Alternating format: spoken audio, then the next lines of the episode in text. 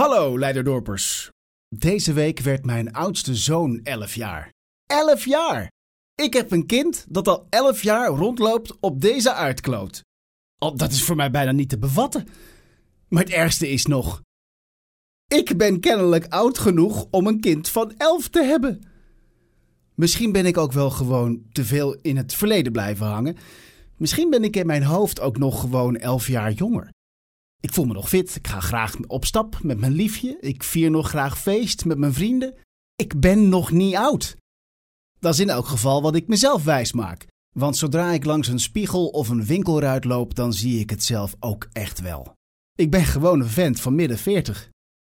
Een paar maanden geleden werd het leeftijdsverschil tussen mij en mijn zoon pijnlijk duidelijk, letterlijk. Met zijn voetbalteam speelden we een partijtje ouders tegen kinderen.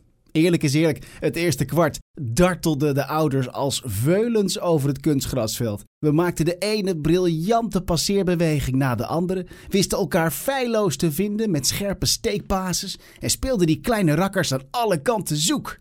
In de afwerking lieten we wel wat te wensen over, maar met een comfortabele 5-2 eindstand verlieten wij als ouders met opgeheven hoofd het veld. Machtig voelden we ons.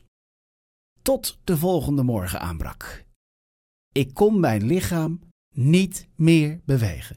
Al mijn gewrichten schreeuwden moord en brand. Iedere spier in mijn lijf deed pijn alsof ze door de ergste James Bond schurk stuk voor stuk tot het uiterste waren uitgerekt. Was het toch dat ene laatste lopje?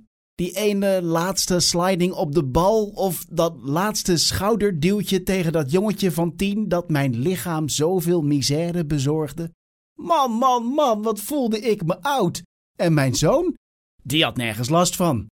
Tegen de tijd dat ik mezelf uit bed had getakeld en onder luid gekreun de trap naar beneden was afgedaald, was hij al lang aangekleed en weer onderweg naar de voetbalclub om te spelen met zijn vriendjes. Ho, wat voelde ik me toen oud. Inmiddels is de spierpijn weggetrokken en kan ik erom lachen, maar oud voel ik me nog steeds.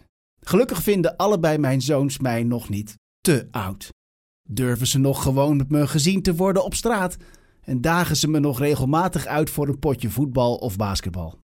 Misschien omdat ze dat leuk vinden. Misschien omdat ze steeds vaker denken dat ze van me kunnen winnen.